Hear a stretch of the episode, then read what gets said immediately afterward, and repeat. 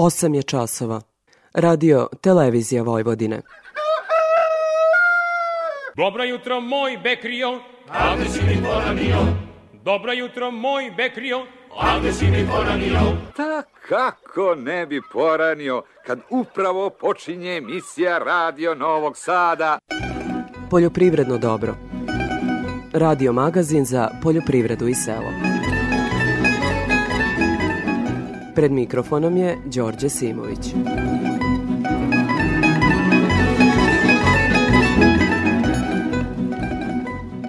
Poštovani slušalci, dobro jutro.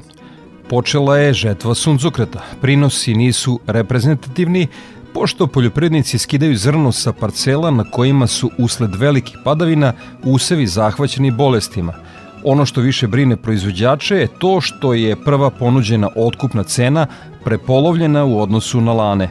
Za razliku od kukuruza i soje, prinosi suncokreta poslednjih godina su bili stabilni, a i cena je bila relativno visoka – Međutim, tome je došao kraj. Predsednik Nezavisne asocijacije poljoprivrednika Srbije, Jovica Jakšić, samo potvrđuje o čemu se odavno spekulisalo da će ovogodišnja otkupna cena suncokreta biti mnogo manja nego lanjska. Ove godine nam je cena sa kojom se krenulo 30 dinara. Prošle godine smo dobili 73 krajnju, tako da se cena suncokreta prepolovila. O mogućim razlozima niske otkupne cene Jakšić kaže – treba da se nadomeste gubici od prošle godine koji su imali izvoznici usled nedostatka tržišta gde nisu mogli da izvezu i gde su izgubili svoja neka tradicionalna tržišta. Agrani analitičar Žarko Galetin ne očekuje da bi otkupna cena mogla značajnije da poraste odmicanjem žetve.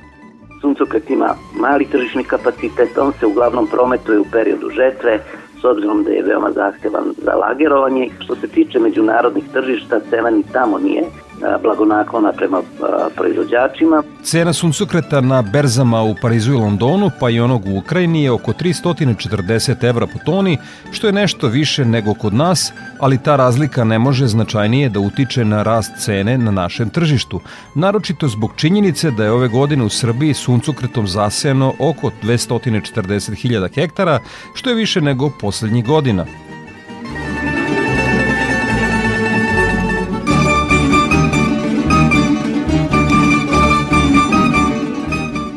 Ratare koji seju uljanu repicu i spremaju se za setu pšenice, neugodno je iznenadilo poskupljenje mineralnih đubriva. Istini za volju cena je poslednjih dana neznatno pala, a najnovije informacije nam predočava Araksi Mikaelijan iz Infotim Logistike. Što se tiče mineralnog đubriva ure, ona je s početka nedelje ponuđena po ceni od 490 evra po toni plus PDV, pričamo o Big Bag pakovanju, da bi kraj nedelje dočekali sa cenom od 470 evra po toni bez PDV-a.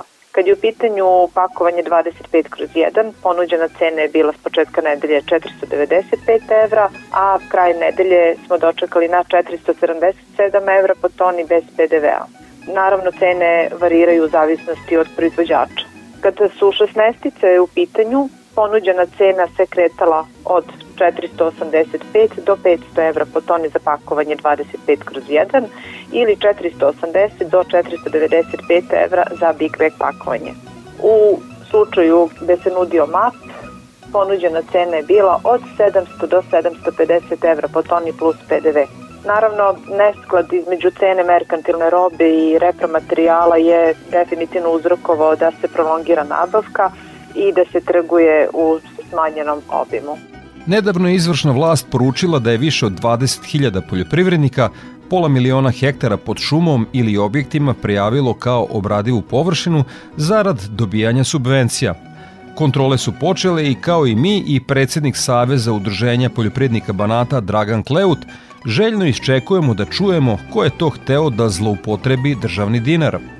Mi kao poljoprivrednici možemo da kažemo da je to prosto nemoguće uraditi bez saradnje institucije Republike Srbije i da mi e, kada prijavljujemo svoje parcele e, ranije u Trezoru, a sada u e-agraru, moramo izvaditi posjedovni list iz e, katastra gde se tačno taksativno navodi njiva, e, broj parcele i da li je to njiva, e, šuma, da li je to ribnjak, da li je pašnjak, tačno se postoji namena zemljišta gde e, oni automatski imaju uvid u to da li i kojoj nameni zemljišta služi. E, mi da bi promenili namenu zemljišta, mi možemo šaljemo e, lokalnoj samoupravi zahtev za prenamenu zemljišta, a onda lokalna samouprava šalje Ministarstvu poljoprivrede.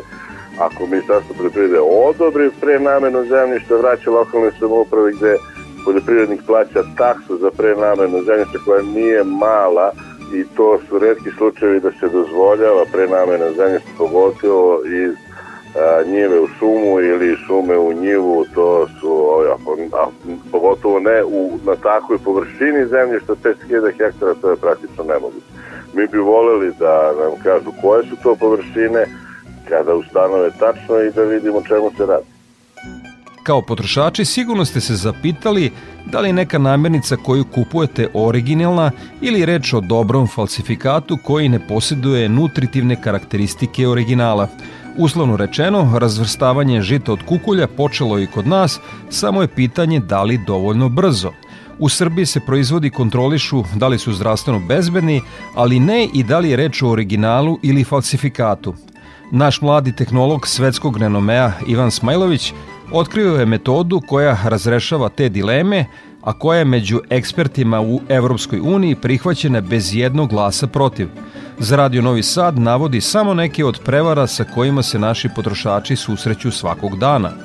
Danas tehnolog može da vam napravi voćnu rakiju od različitih etanola, aroma, ekstrakata, da li je vino stvarno vino, da li je dobijeno potpuno od grožđa, da li je urađena čaptalizacija, odnosno da li je dodavan šećer u proizvodnji, da li je dodavana voda, da li je mleko stvarno sveže mleko ili je razboženo vodom, da li je dodata voda, a, ili da li je mleko namešano sa rekonstituisanim mlekom a, poreklom od mleka u prahu. Nedavno osnovan klaster Ujedinjeni za kvalitet ima za glavni cilj oštru borbu protiv falsifikovanja pre svega meda, rake i vina. O tome govorimo u temi emisije. Vaše sugestije svakako su dobrodošle, pa vas pozivam da nam pišete na e-mail adresu dobro.rtv.rs ili da nam svoje komentare ostavite na društvenoj mreži Facebook u grupi Poljoprivredno dobro. Toliko u uvodu slušamo Oliveru Katarinu i pesmu A što ti je mila kćeri?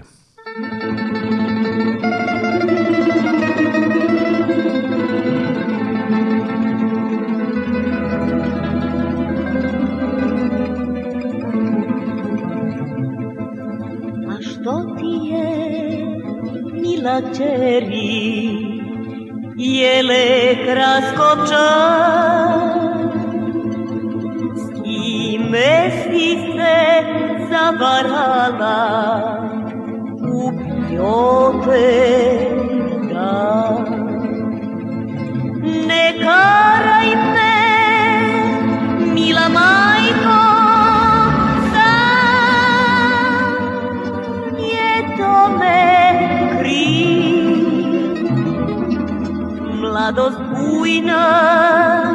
llorar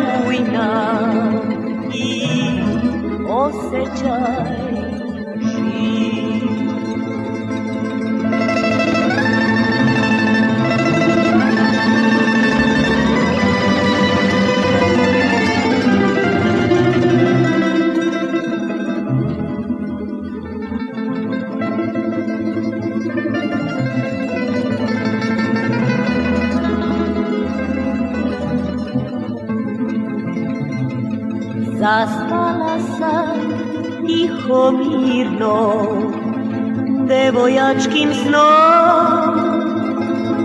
A u snu mi došo dragi Mio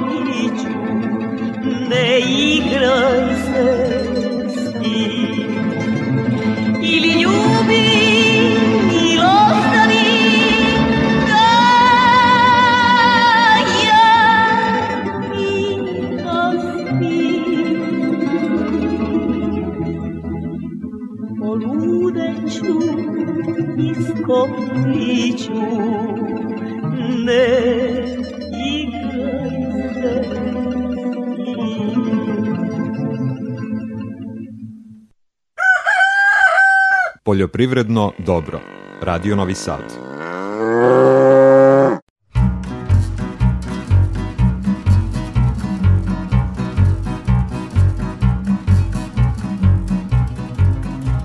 U nastavku Poljoprednog dobra, Ljiljana Đingalašević iz Hidrometeorološkog zavoda Srbije će nas izvestiti kakvo nas vreme očekuje naredni dana.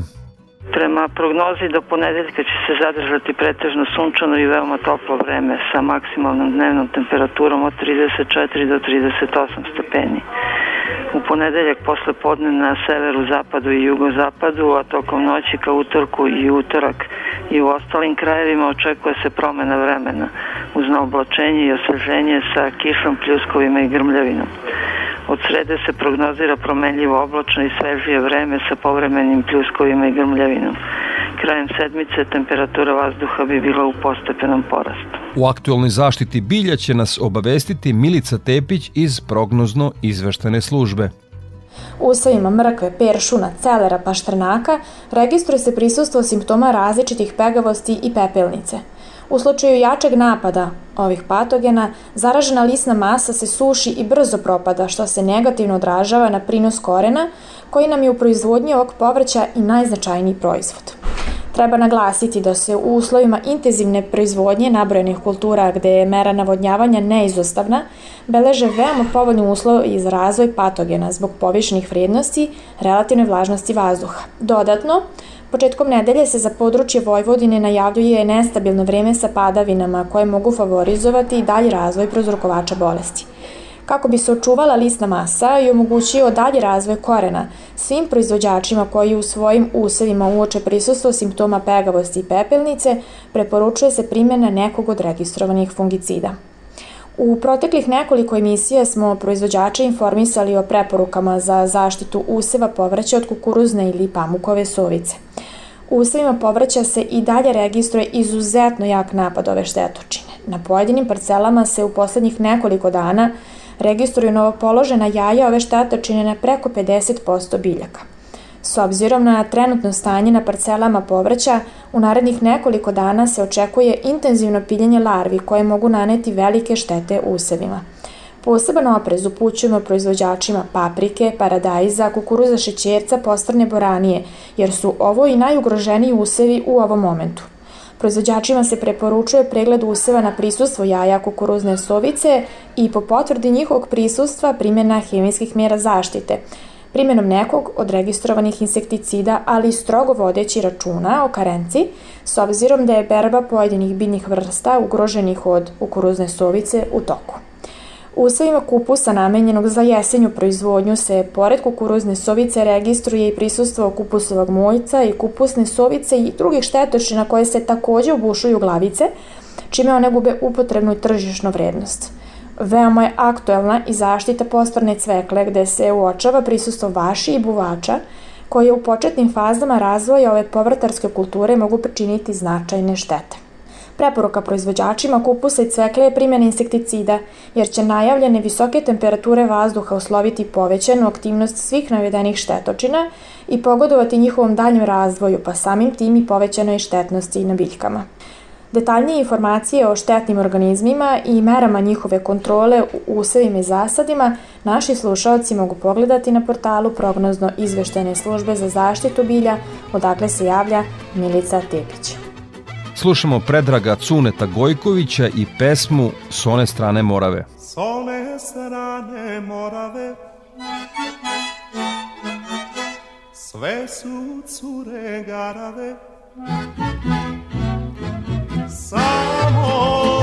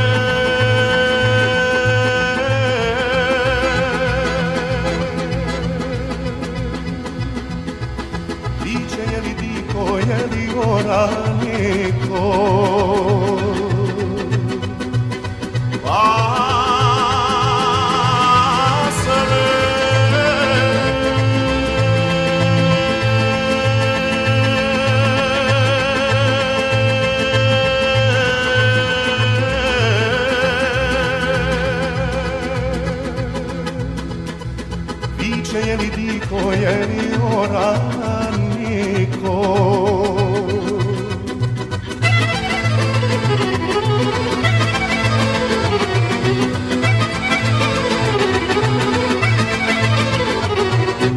S one strane barice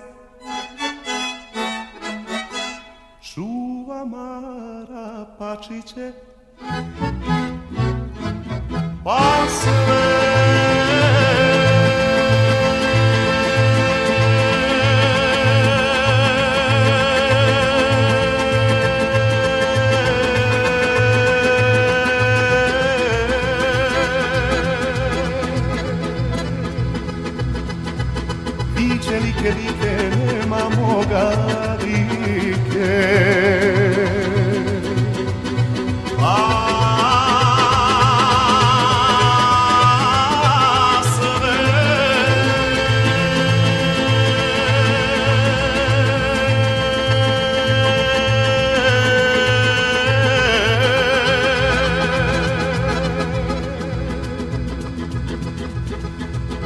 Like like nema moga dike u tremu. Nemojte, nemojte, opuštajte. Poljoprivredno dobro opušta.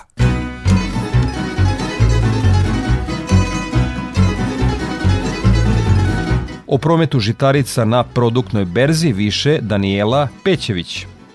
Na produktnoj berzi zabeležen je veći obim prometa u odnosu na prošlonedeljni, ali je negativan cenovni trend i dalje prisutan kod svih primarnih poljoprivrednih proizvoda. Najviše aktivnosti bilo je na tržištu kukuruza. Statistički kukuruzom se najviše trgovalo. Početkom nedelje uh, obeležila je slaba aktivnost učesnika, posebno na strani ponude. Od sredine nedelje dolazi do promjene dinamike, kada se i na strani ponude i na strani tražnje beleži znatno veća aktivnost učesnika. Berzanski ugovori zaključeni su u cenovnom opsegu od 17 dinara do 17 dinara i 80 para po kilogramu bez PDV-a. Prirodno suv kukuruz sa vlagom do 15% prometovan je po jedinstvenoj ceni od 17 dinara po kilogramu bez PDV-a ili 18 dinara i 70 para po kilogramu sa PDV-om. Poslednjeg ranog dana ponuđen je veći lot novog roda kukuruza po ceni 19 dinara po kilogramu bez PDV-a na paritetu CPT Luka Južna Bačka. Kupci su najviše interesovanja pokazali za pšenicu 11 i 12% proteina, a od sredine nedelje tražila se i stočna pšenica. Ponuđači su uglavnom nudili kvalitetniju pšenicu, protein 12,5 do 13, te se uh, cena ponuđene robe znatno razlikovala od onog što su kupci bili spremni da plate. Berzanski ugovori zaključeni su u cenovnom rasponu od 20 dinara do 20 dinara i 25 para po kilogramu bez PDV-a. Kada je reč o sojenom zrnu, cena je imala promenljiv pravac kretanja. Ugovori su zaključeni u rasponu od 55 dinara do 56 dinara po kilogramu bez PDV-a uz obračun kvaliteta. E, trgovalo se i sojenim zrnom rod 2021. godine po jedinstvenoj ceni od 55,5 dinara e, bez PDV-a uz obračun kvaliteta ili 61,05 dinara po kilogramu sa PDV-om. Na tržištu ječma gotovo da nije bilo kupac. Zaključen je jedan berzanski ugovor za ječam sa hektolitrom 60 kg po ceni od 16 dinara i 40 para po kilogramu bez PDV-a ili 18,04 dinara po kilogramu sa PDV-om. Slaba aktivnost kupaca bila je primetna i u trgovanju uljanom repicom, prometovana je manja količina ove uljarice po jedinstvenoj ceni od 45 dinara i 71 para po kilogramu bez PDV-a ili 50,28 dinara po kilogramu sa PDV-om. Sa produktne berze Danijela Pećerić. Nakon izveštaja sa produktne berze, Gordana Jeličić iz Infotim Logistike obavestit će nas o trendovima na tržištu stoke. Sve cene su bez uračunatog poreza na dodatu vrednost. Tokom nedelje naši saradnici tovne svinje sa farme oglašavali su po ceni od 260 do 285 dinara po kilogramu, tovljenike sa mini farme po ceni od 255 do 280 dinara po kilogramu, a tovljenike iz otkopa po ceni od 245 do 250 dinara po kilogramu.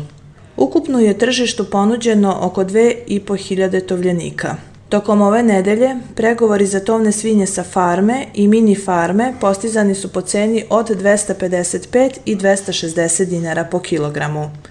Za narednu nedelju, klaničari će farmsku robu plaćati u rasponu cena od 270 do 280 dinara po kilogramu. Prasaca farme oglašene su po ceni od 470 do 520 dinara po kilogramu, prasaca mini farme po ceni od 420 do 450 dinara po kilogramu, a prasad iz otkupa po ceni od 320 do 330 dinara po kilogramu. U ponudi smo imali preko 800 prasadi. Nazimice za priplot ponuđene su po ceni od 50.000 dinara po komadu. Krmače za klanje su ponuđene po ceni od 203 do 208 dinara po kilogramu. Jagnjac su ponuđena po ceni od 333 do 370 dinara po kilogramu, a ovce za klanje ponuđene su po ceni od 185 dinara po kilogramu. Bikovi rase Holstein oglašeni su po ceni od 288 do 304 dinara po kilogramu, a bikovi simentalci po ceni od 314 do 326 dinara po kilogramu. Za ovu nedelju bikovi Holstein su dogovoreni na cenu 288 dinara po kilogramu. Kad je živina u pitanju, jednodnevni pilići teške linije ponuđeni su u rasponu cena od 47 do 60 dinara po komadu. U ponudi smo imali i 18-nedeljne koke nosilje po ceni od 800 dinara po komadu. Cene su izražene bez PDV-a.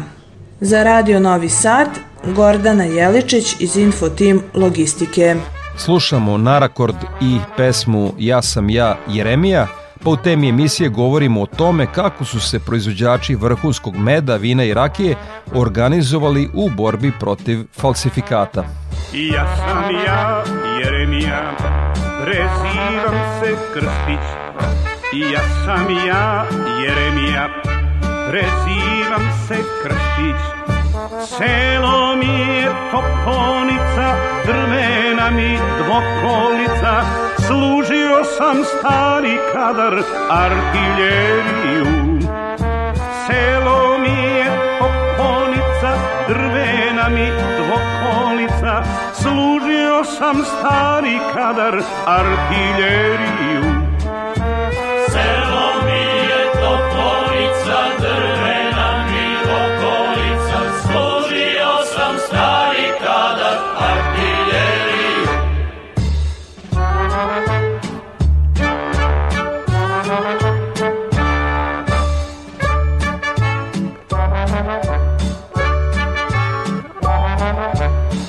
Sam ja, Jeremija, prezivam se Krstić. Ja sam ja, Jeremija, prezivam se Krstić. Imam sito i karlicu, imam ženu, vračaricu, služio sam stari kadar artiljeriju. Imam sito i karlicu, imam ženu, vračaricu, sam stari kadar artiljeriju. Imam sito i karlicu, imam ženu, vračaricu, služio sam stari kadar artiljeriju.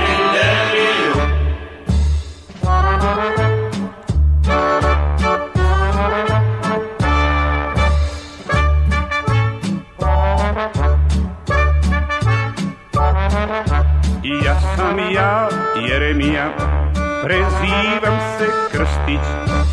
Ja sam ja, Jeremija, prezivam se Krstić. Više kuće trijerica, preko plota komštinica, služio sam stari kadar artiljeriju. Više šeku četrijerica, preko plota komšinica, služio sam stari kadar artiljeriju. Više kuće trijerica, preko plota komšinica, služio sam stari kadar artiljeriju. Tema emisije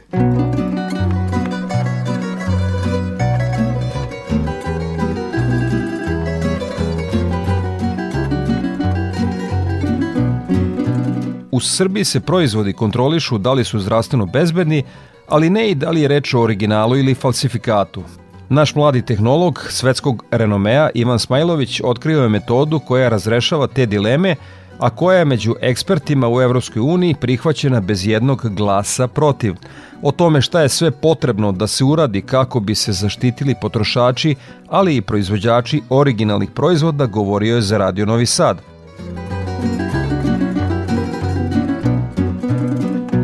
Nedavno osnovan klaster Ujedinjeni za kvalitet ima za glavni cilj oštru borbu protiv falsifikovanja pre svega meda, rake i vina. Na taj način bili bi zaštićeni proizvođači kvalitetnih proizvoda, ali i potrošači. Dobar povod za gostovanje u programu Radio Novog Sada podpredsednika klastera Ujedinjeni za kvalitet Ivana Smajlovića. Kako nameravate da sprovedete ciljeve zbog koji ste osnovani? Današnje tržište je zbog ekonomskih prilika i zbog rata u Ukrajini i svih izazova na tržištu a, je preplavljeno različitim falsifikatima. Osnivači klastera su prepoznali zajednički cilj da jedino zajedno mogu da se bore protiv ekonomskih prevara i na tržištu i proizvoda koje proizvode dumping efekat pravim proizvođačima i zato su se ujedinili da bi snažnije i bolje uspeli da se sa svim tim izazovima bore. A, borba protiv sive zone prometa, odnosno sive ekonomije, kao i um, a, svega ovoga što sam opisao, je samo jedan deo o, čime će klaster da se bavi.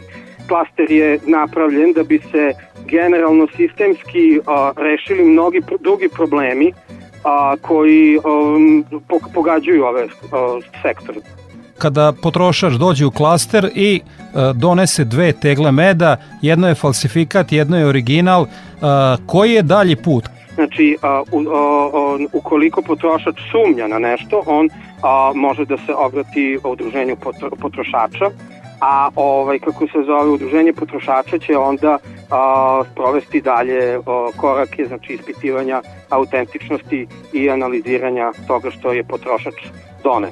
Ovaj, ali uh, udruženje kao udruženje će uh, ovaj, na uh, profesionalan način sprovoditi istraživanja, znači uzorkovanja uh, proizvoda sa tržišta i uh, laboratorijske analize, raditi ovaj, u akreditovanoj laboratoriji laboratorijske analize koje će posle toga biti publikovane i informacije o neusaglašenostima će biti ovaj dostavljene um, službama ministarstva. Pazite, mi smo poslednje godina značajno napredili e, standarde, u, uvedene su i inspekcije i tako dalje i ovaj postoje zakoni, postoje usklađuje se e, regulativa sa Evropskom unijom i opet imamo jako puno falsifikata na tržištu. Kako je to moguće? Pa pazite, tehnologija je otišla daleko danas u 21. veku možete da napravite šta god hoćete korišćenjem surogata različitih alternativnih sirovina. Kvalitet u 21. veku nije samo zdravstvena bezbednost. Zdravstvena bezbednost se podrazumeva već, ali ekonomske prevare su sasvim druga niša. Znači danas tehnolog može da vam napravi voćnu rakiju od različitih etanola, aroma, ekstrakata, znači govorimo o čitavoj lepezi različitih načina falsifikovanja proizvoda koji o, su onda na tržištu mnogo je jeftiniji nego što o, je to neka proizvođačka cena da se ide pravim putem. Da li mi u Srbiji imamo aparatura koja će to da prepozna? Da, Trenutno Analab, laboratorija iz Pančeva, je akreditovana i radi izotopska ispitivanja koja je upravo speci, za ispitivanje a, ekonomskih prevara i svih tih prevara u hrani. Znači, a, da li je vino stvarno vino, da li je dobijeno potpuno od grožđa, da li je urađena čaptalizacija, odnosno da li je dodavan šećer u proizvodnji ovaj, pre alkoholne fermentacije, da li je dodavana voda u bilo kom delu ovaj, proizvodnje pre, tokom ili nakon alkoholne fermentacije, da li je recimo med stvarno med ili su a, prisutni prihranom ili direktnim namešavanjem a, šećerni sirupi koji su poreklom od C3 ili C4 industrijskih biljaka, znači kukuruz, šećerna trska, šećerna repa, pšenica, krompir, pirinač, a, različito žito, ječam i tako dalje. Znači, onda da li je da li je mleko stvarno sveže mleko ili je razboženo vodom, da li je dodata voda, a, ili da li je mleko namešano sa rekonstituisanim mlekom a, poreklom od mleka u prahu. Znači, a, videli smo pre par meseci ove stočare na, na ulicama i na putevima a, koji su se borili za da se smanji taj ili da se na neki način reši uvoz prekomerne količine a, mleka u prahu u Srbiju. Postoji ta mogućnost i to su sve akreditovane metode. Znači sve su akreditovane od strane stručnjaka iz Evropske unije, a pod, pod kroviteljstvom akreditacijnog tela Srbije. Ove su odlične ideje pre svega za proizvođače originalnih proizvoda, a i za potrošače. Da li su te ideje prepoznate od naše e, izvršne i pre toga zakonodavne vlasti kako bi one do kraja bile sprovedene u dela? A, pa pazite, znači ministarstvo o, radi po principu o, ono šta stoji u zakonu. Problematika sad trenutno jeste da je taj konkurs koji oni otvaraju za ovlašćenje za laboratorije koje, koje će raditi službene analize za ministarstvo, odnosno inspekciju, on se otvara na pet godina. To, taj konkurs je bio prošle godine i o, na taj konkurs se prijavljuju sve laboratorije koje imaju o, interesi koje žele da rade sa ministarstvama koji ispunjavaju te uslove. Znači sledeći konkurs za ovlašćenje za, za ovlašćene laboratorije će biti za, za neke četiri godine. E sad problem je u tome što sve laboratorije u državi se bave ispitivanjem osnovnog kvaliteta i zdravstvene ispravnosti proizvoda. Ovo što ova laboratorija iz Pančeva može da radi je specializovano ekonomske prevare. Znači to niko u državi drugi ne može da radi niti, niti ima ovaj, specializaciju, niti ima stručnjak, stručnjake tog kalibra da to može da radi. Sad se postavlja pitanje, a, ministarstvo treba da otvori taj konkurs za četiri godine. Da li srpsko tržište, srpski potrošači i proizvođači imaju četiri godine još da čekaju da bi se ta akreditovana metoda, odnosno te akreditovane metode sa svim svojim aplikacijama koje mogu da reše dosta toga na tržištu, da li je potrebno čekati četiri godine. I sad je tu, postavlja se pitanje ministarstvu. Znači, da li ćemo čekati da službe o, i inspekcije ministarstva počnu da rade te analize ili će se raditi ispitivanje tržišta od strane udruženja za zaštitu potrošača pa da vidimo gde stojimo. Ko e, može postati član e, klastera Ujedinjeni za kvalitet? Mogu postati svi, znači i fizička lica i pravna lica i udruženja. Znači, poenta jeste da se omasovi ovaj pokret, odnosno taj klaster, da bi se dobilo na brojnosti a, svih koji su ugroženi ovakvim, o, ovakvim stanjem na tržištu. Znači, mi ne govorimo samo o nacionalnom tržištu, govorimo i o onome što nam se uvozi u, u, ovaj, u državu. Znači, a, sve kontrole koje se rade na granicama rade se na osnovni kvalitet i na zdravstvenu bezbednost, ali se ne rade na ekonomske prevare. Da li vam je jasno da ćete imati puno protivnika kod nas? Pa, kad nije bilo. uvek je bilo protivnika, uvek je bilo a, ljudi koji su protiv, ali dobro, svako radi svoj posao, mi radimo naš posao, oni rade svoj, pa kako bude biće. Nadam se da će vaše ideje e, prevagnuti. E, za kraj razgovora, kada imate dobrog sagovornika, priča se sama otvara, pa voleo bi sa našim slušalcima da podelite uh, koje su vaše reference. Ja sam trenutno tehnički ekspert srpske delegacije pri OIV-u. Imam mnoge reference. Ja sam idejni tvorac te, te nove tehnologije koja je prihvaćena od strane OIV-a i ušla je u step by step proceduru za novu rezoluciju OIV-a na glo, glo, globalnom nivou. 2021. sam ispred Srbije samostalno odbranio čitav taj naučni, hemijski, izotopski koncept koji je pred preko 200 tehničkih eksperata iz 48 članica država OIV-a, odnosno država članica OIV-a, ušao bez jednog glasa opozicije u proceduru za pravljenje novog drafta, odnosno novog nacrta nove rezolucije OIV-a, što znači globalni nivo, a iza toga sekretarijat Međunarodne organizacije za vino i vinovu lozu me je predložilo za koordinatora radne grupe za utvrđivanje porekla vode u finalnim vinima. Tako da sam ja sada koordinator, u ovom trenutku koordinator i radim sa stručnjacima, koordinišem rad uh, stručnjaka iz uh, Nemačke nacionalne referentne laboratorije, onda Francuske nacionalne referentne laboratorije, Španije, isto nacionalne, njihove nacionalne laboratorije, Portugalije, Austrije, Brazila, Meksika, Australije i Ruske federacije. I Srbija predvodi znači tu grupu, zato što niko od njih u zapadnoj Evropi nema to rešenje koje je napravljeno u Srbiji. E, gost u programu Radio Novog Sada bio je potpredsjednik klastera Ujedinjeni za kvalitet Ivan Smajlović. Hvala vam što ste za Radio Novi Sad govorili o jednoj ovako važnoj temi. Zahvaljujem na pozivu i do slušanja. A član klastera Ujedinjeni za kvalitet je i Savez pčelarskih organizacija Srbije.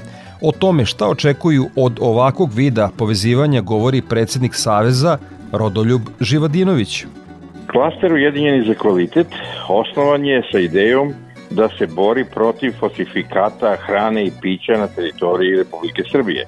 Vi znate da falsifikata ima dosta, trenutno je klaster okupio proizvođače meda, vina i rakije, neke od njih, koji su praktično činili inicijativni odbor.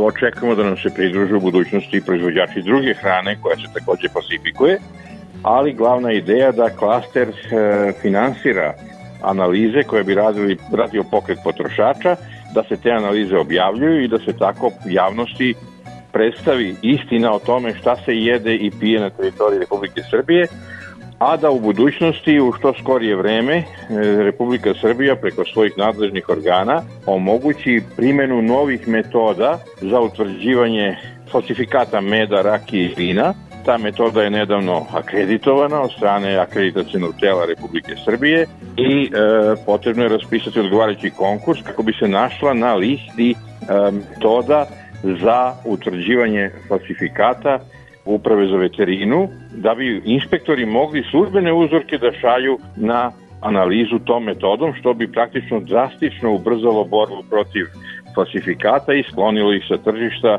u potpunosti u veoma kratkom roku. Šta je smetnja da ta metoda bude prihvaćena? Koliko mi znamo, Upravo za veterinu jednom u pet godina, tako piše u zakonu, raspisuje konkurs na koji se prijavljuju laboratorije. Poslednji konkurs je objavljen uh, krajem prošle godine. E, teoretski gledano trebalo bi da se ponovi za pet godina, ali mi smatramo da svi zajedno i potrošači i proizvođači nemamo vremena da čekamo još pet godina da bi se nove metode mogle da primenjuju, prema tome potrebno je raspisati novi konkurs, jer ta metoda u tu vreme raspisivanja konkursa uopšte nije bila na sceni, nije bila akreditovana i nije bila aktuelna. Sada, pošto jeste, znači trebamo da primenimo, da kažem, tekovine modernih tehnologija i da se što pre mogu slati službeni uzorci na analizu, ne samo tom metodom, kamo se će da se razvije i više metoda, što više to je za nas proizvođače, ali i za potrošače naravno bolje. SPOS je ušao u klaster. Ko je e, konkretno interes POS-a da bude deo klastera? Interes POS-a je veoma jednostavan, da se ubrza borba protiv falsifikata, koja je trenutno veoma aktuelna ne samo kod nas, nego u čitavom svetu. Svi pčelari u svetu su u problemu.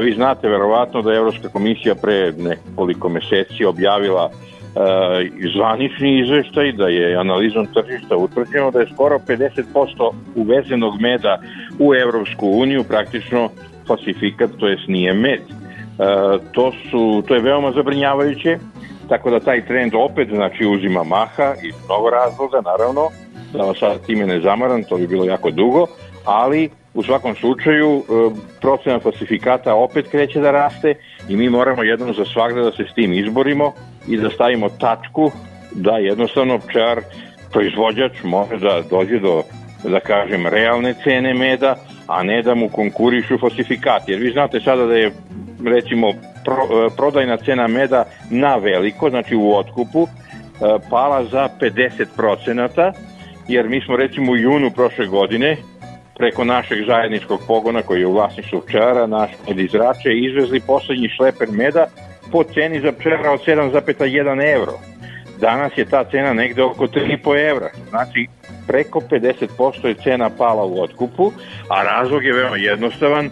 Kada čujete koliko falsifikata je izveženo u Evropsku uniju, iz raznih zemalja sveta, shvatite da vi praktično morate da se borite sa konkurencijom koja je nelojalna, koja iz, praktično prodaje falsifikovani med, koji košta u proizvodnji veoma malo, znači možda da kažemo 1 evro ili ispod 1 evra po kilogramu, prema tome kako mi možemo sa pravim medom kada su svi troškovi otišli gore, e, svi inputi u pčelarstvo su poskupili od 30 do 80% od početka korone do danas. Prema tome, proizvodna cena je drastično skočila, e, otkupna pala, Prema, zaista pčelari tu nemaju izbora, mnogi već napuštaju pčelaranje, ne samo kod nas, to nije pojava samo u Srbiji.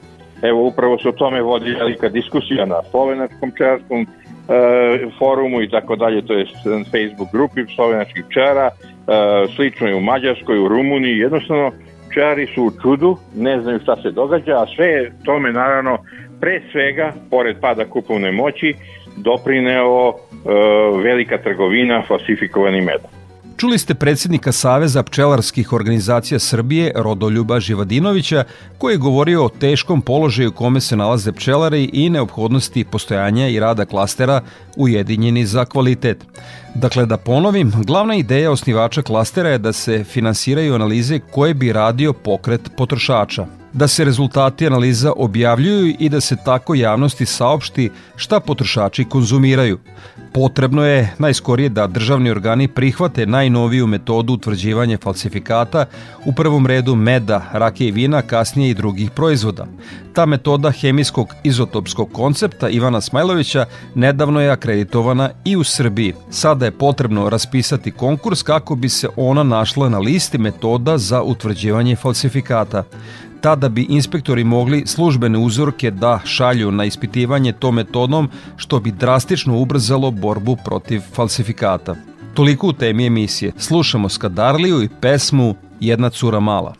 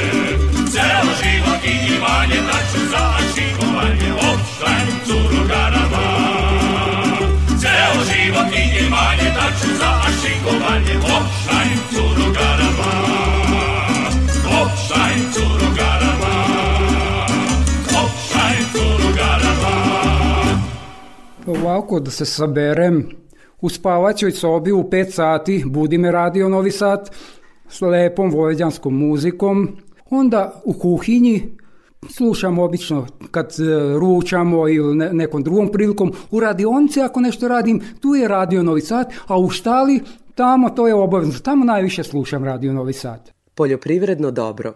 Radio Novi Sad. Ja stanicu ne menjam.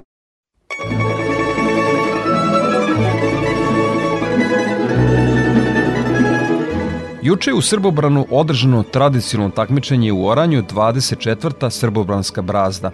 Član organizacionog odbora Petar Radić za Radio Novi Sad je govorio o tome na koji način članovi komisije vrednuju kvalitet oranja.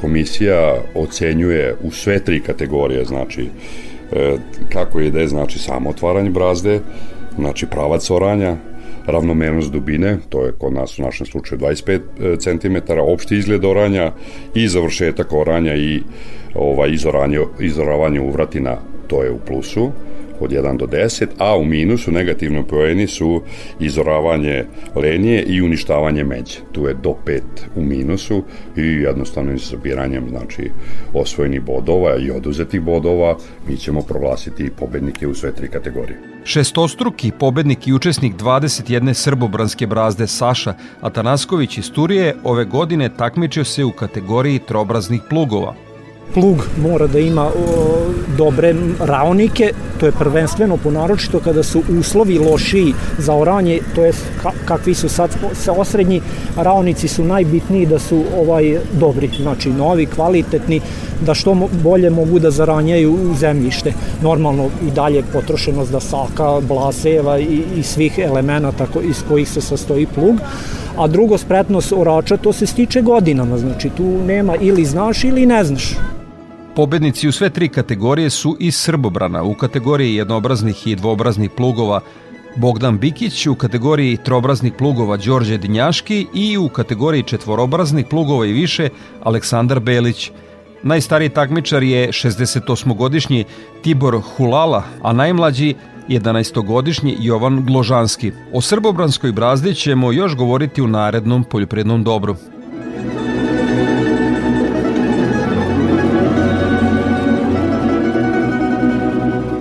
Katastrofalne poplave u Sloveniji nanele su ogromnu štetu privredi te zemlje, a posledice su vidljive naročito u poljoprivredi.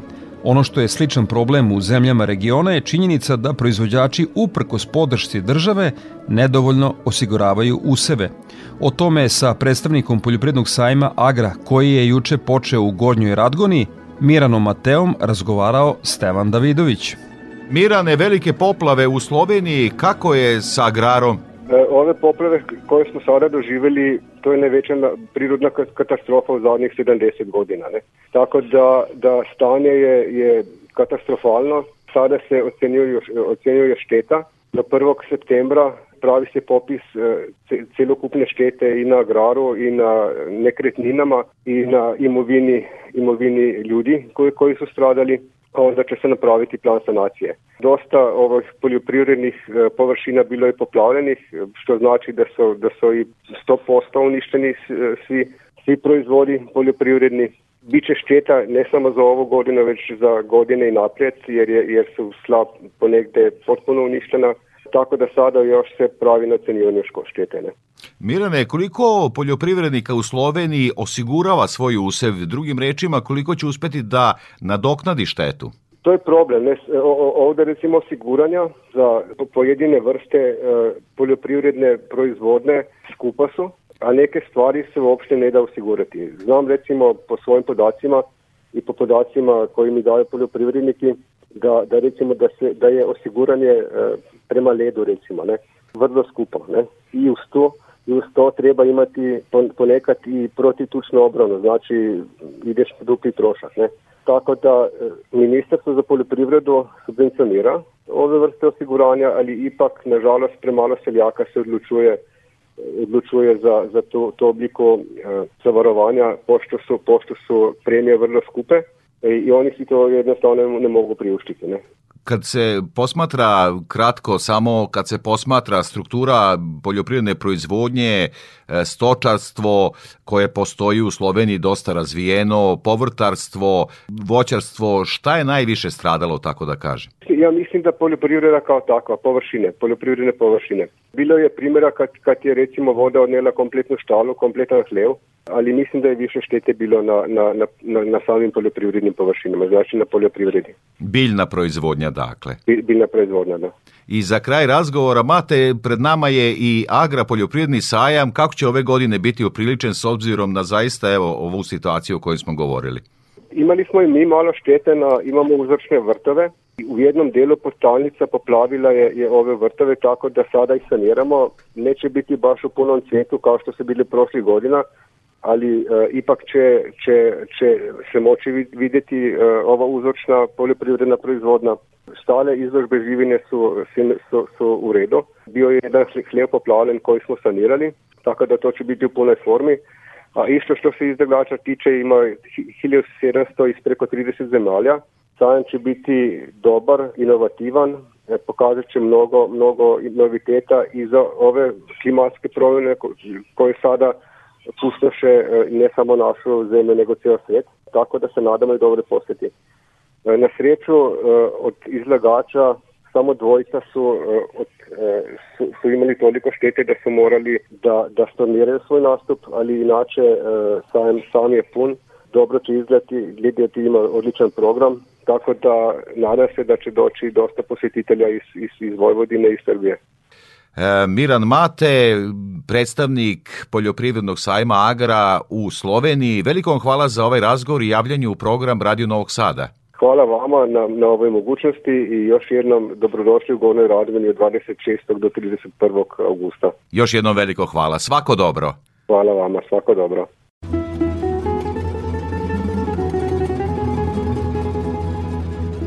I za kraj emisije još jednom Ljiljana Đingalašević iz Hidrometeorološkog zavoda Srbije će nas obavestiti kakvo nas vreme očekuje narednih dana. Prema prognozi do ponedeljka će se zadržati pretežno sunčano i veoma toplo vreme sa maksimalnom dnevnom temperaturom od 34 do 38 stepeni. U ponedeljak posle podne na severu, zapadu i jugozapadu, a tokom noći ka utorku i utorak i u ostalim krajevima očekuje se promena vremena uz naoblačenje i osveženje sa kišom, pljuskovima i grmljavinom. Od srede se prognozira promenljivo oblačno i svežije vreme sa povremenim pljuskovima i grmljavinom. Krajem sedmice temperatura vazduha bi bila u postepenom porastu.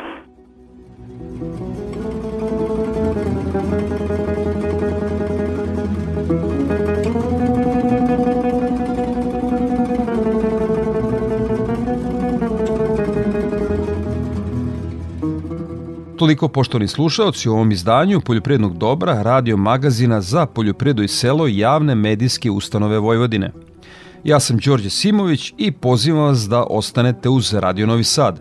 Vašoj pažnji preporučujem ekološki magazin pod staklenim zvonom koji je na programu na Konvestiju 9. Svako dobro!